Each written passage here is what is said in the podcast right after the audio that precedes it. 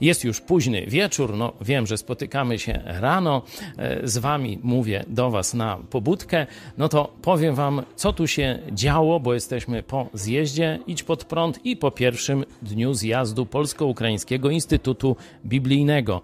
Dzisiaj była Biblia jako historia, jako scenariusz pewnych wydarzeń, na kanwie których Bóg objawiał różne prawdy, a najważniejszą o darmowym zbawieniu w Chrystusie.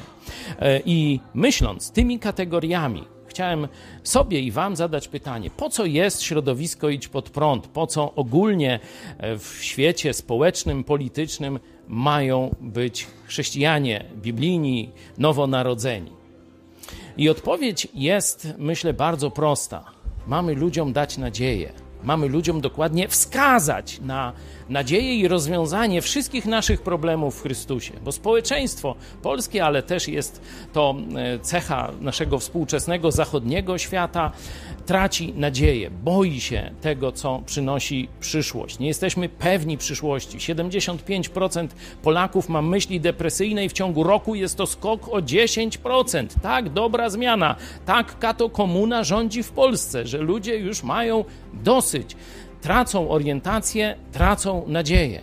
Chrześcijanie mają być jak sól ziemi albo światłość tego świata, czyli jak latarnia morska mamy wskazywać. I właśnie po to się zjeżdżamy, żeby jeszcze lepiej, kiedy później pojedziemy do różnych miast, tam od Calgary, gdzieś po Terespol y, i może jeszcze dalej, żeby wrócić i być takimi posłańcami nadziei. Messenger, posłaniec, posłańcy nadziei. To jest Twoja i moja rola w tym coraz bardziej oddalającym się od Boga świecie.